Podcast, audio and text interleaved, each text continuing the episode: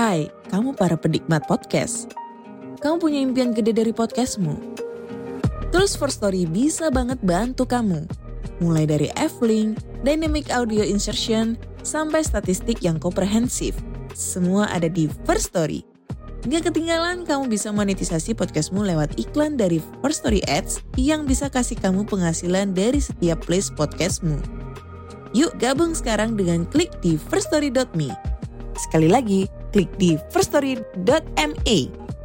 Mari kita bawa mimpi podcastingmu menjadi kenyataan.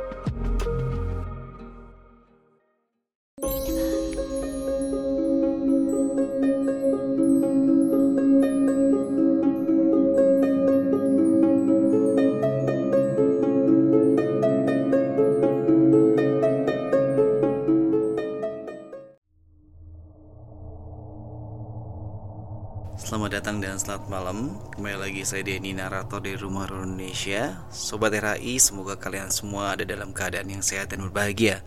Pada malam hari ini seperti biasa saya akan membacakan cerita-cerita horor. Dan malam hari ini saya akan membacakan pengalaman horor jaga malam di rumah sakit. Inilah dia Jaga, jaga malam. malam. Baru beberapa bulan lalu aku pindah kerja ke rumah sakit lain Walaupun statusku adalah perawat baru, namun pengalamanku cukup bisa diperhitungkan. Aku telah bekerja di lima rumah sakit sebelumnya, namun ini adalah pengalaman hororku yang pertama. Saat shift malam, jumlah perawat yang jaga tidak akan sebanyak jumlah perawat saat siang hari. Malam itu kami hanya bertiga untuk memegang satu ruangan, sehingga kami akan lebih sering bolak-balik ke ruangan pasien jika ada yang memerlukan bantuan kami terdengar bunyi bel dari ruangan pasien. Mendengar bel itu, temanku segera bergegas menuju ruangan rawat inap. Kebetulan jalan dari ruang jaga menuju ruang rawat inap harus melewati lorong yang terdapat sebuah ruangan kosong yang gosipnya cukup horor. Ruangan kosong itu berfungsi untuk gudang sementara. Menurut desas-desus yang ada, jika malam, ruangan itu harus ditutup dan saya sendiri tidak mengerti mengapa harus begitu. Ketika berjalan menyusuri lorong, temanku melewati ruangan kosong itu dan kebetulan pintunya tidak tertutup. Ruangan itu sangat terang. Mungkin cleaning service lupa menutup dan mematikan lampunya. Saat temanku melewatinya, ia menoleh ke dalam ruangan itu dan melihat ada sebuah kursi kosong yang depannya menghadap ke jendela. Setelah selesai membantu pasien, temanku kembali ke ruangan jaga. Mau tidak mau, ia harus melewati ruangan itu kembali. Ruangan itu masih terang dan pintunya belum tertutup.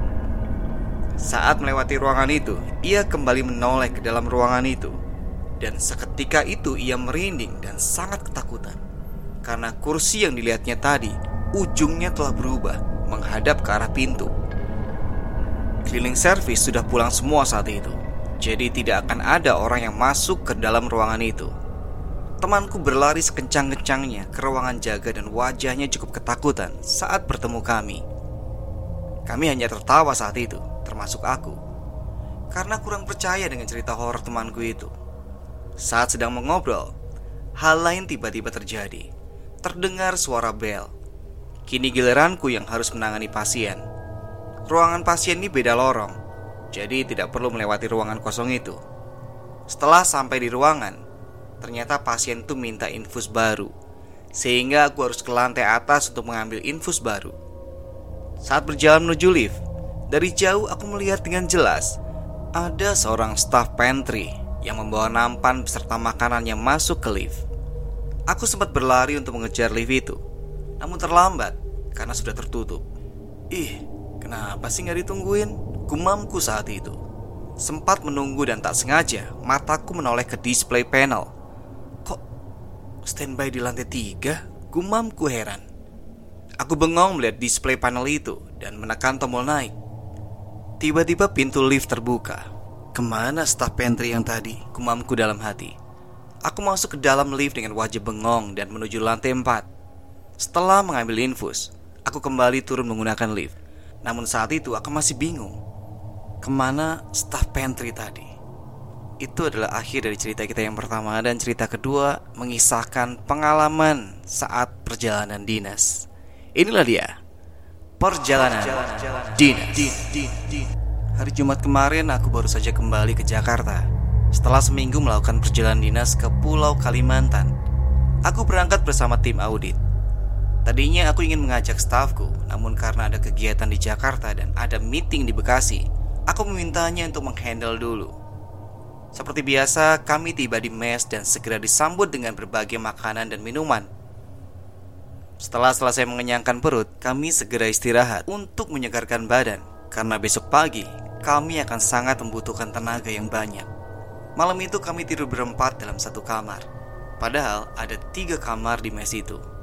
Singkat cerita, keesokan paginya kami memulai aktivitas kami. Cukup melelahkan memang, karena kami menjalankan sebuah misi dari direktur untuk kemajuan perusahaan. Setelah selesai menyelesaikan semua pekerjaan kami, Pukul 17.00 kami kembali ke mes Setelah mandi kami semua duduk-duduk sejenak di ruang tengah sambil menonton televisi Mau makan sekarang pak? Biar saya segera masak Tanya pelayan mes Ada bakso nggak di sekitar sini bu? Tanya Adit Ada pak, tapi lumayan jauh sih Di perumahan karyawan Blok A Jawab ibu itu Di mana tuh pak? Tanya Adit kepadaku Di dekat sekolah SD Lumayan lah 2 kilo dari sini jawabku. Bakso aja yuk pak Ajak Adit. Ya udah bu nggak usah masak malam ini. Minta tolong buatkan kopi aja. Ujar Mas Edi. Coba telepon Pak Sadimun bro. Pinjam mobil ada nggak? Kata Mas Edi kepadaku Aku segera menelpon Pak Sadimun untuk meminjam kendaraan. Bro, adanya motor Mobil sedang dibawa ke kota Ujarku pada Mas Edi. Ya udah, motor aja dua Jawab Mas Edi. Kami pun bersantai menunggu motor sambil berkaraoke ria. Dan beberapa menit kemudian Motor pun datang diantar oleh satpam. Kasih ya pak. Ujarku sambil menerima kunci motornya. Sama-sama pak. Hati-hati pak. Gelap. Jalannya juga jelek Kata satpam itu. Kami segera berangkat menggunakan motor itu. Saat itu pukul 19.00 Dan jalan memang gelap Karena lampu penerangan Hanya ada di jalan perumahan Walaupun telah menggunakan lampu sorot dari motor, tetap kami harus berhati-hati karena jalannya tidak rata dan berbatu. Kami memaju motor dengan hati-hati dan pelan-pelan.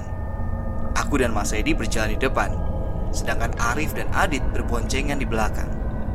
Di tengah jalan aku mengarah motor untuk berhenti. Kebetulan lingkungan sekitar sangat gelap. Kenapa berhenti pak? Tanya Arif yang juga berhenti di sampingku. Shh, Kalian dengar gak? Hah? Apa? Tanya Adit Tiba-tiba terdengar suara orang ketawa Namun cukup jauh Kami berempat terdiam tanpa komentar apa pun Ayo jalan aja Ujar Mas Edi Ketika aku gas motor agar jalan Tiba-tiba tepat di depan kami Ada sosok wanita menggunakan gaun putih Rambutnya panjang terurai dan terlihat agak kusut Wajahnya lonjong dan dagunya lebih panjang dari ukuran orang normal. Sosok itu melayang tepat di depan kami. Bola matanya berwarna putih dan di sekitar matanya terdapat lingkaran hitam, seperti hantu di sinetron. Ia tertawa dengan sangat keras dan melengking. Aku terpaku menatapnya. Tanganku gemetar dan serasa tak ada tenaga untuk menarik gas motor. Mas Edi segera meraih stang motor dan memutar balik motor itu. Aku tetap duduk di depan seperti anak kecil yang sedang dibonceng. Aku sangat syok dan tidak bisa mengeluarkan suara dari mulutku. Bibirku juga terasa gemetar. Putar Arif, putar balik! Teriak Mas Edi ke Arif. Arif berteriak dan segera memutar motornya, lalu memacu motornya sekencang mungkin mendahului kami. Jalan saat itu sangat berbatu, namun dengan kondisi ketakutan seperti ini, jalanan berbatu terasa seperti sirkuit Katalunya di Spanyol. Ketika kami berbalik arah dan melaju motor dengan kencang, aku melihat dari kaca spion sosok itu mengejar kami. Sosok kuntilanak itu tertawa. Suaranya terdengar walaupun sedang melajukan motor dengan kencang. Ketika akan masuk ke gerbang mes, aku tidak lagi melihat sosok itu melalui kaca spion. Setelah sampai di mes, kami tidak berkomentar apa pun. Kami semua terdiam dan tampak wajah-wajah pucat ketakutan dan shock karena kejadian tadi. Terdengar suara perut yang kelaparan. Entah suara perut siapa itu, aku tidak peduli. Yang penting asal jangan suara ketawa kuntilanak itu lagi. Jika sosok itu tiba-tiba berdiri di depan kami, aku mungkin bisa mati jantungan. Kejadian itu memang menjadi pengalaman horor saat perjalanan dinas kami. Kami sangat shock karena mental kami belum siap bertemu dengan hal seperti itu.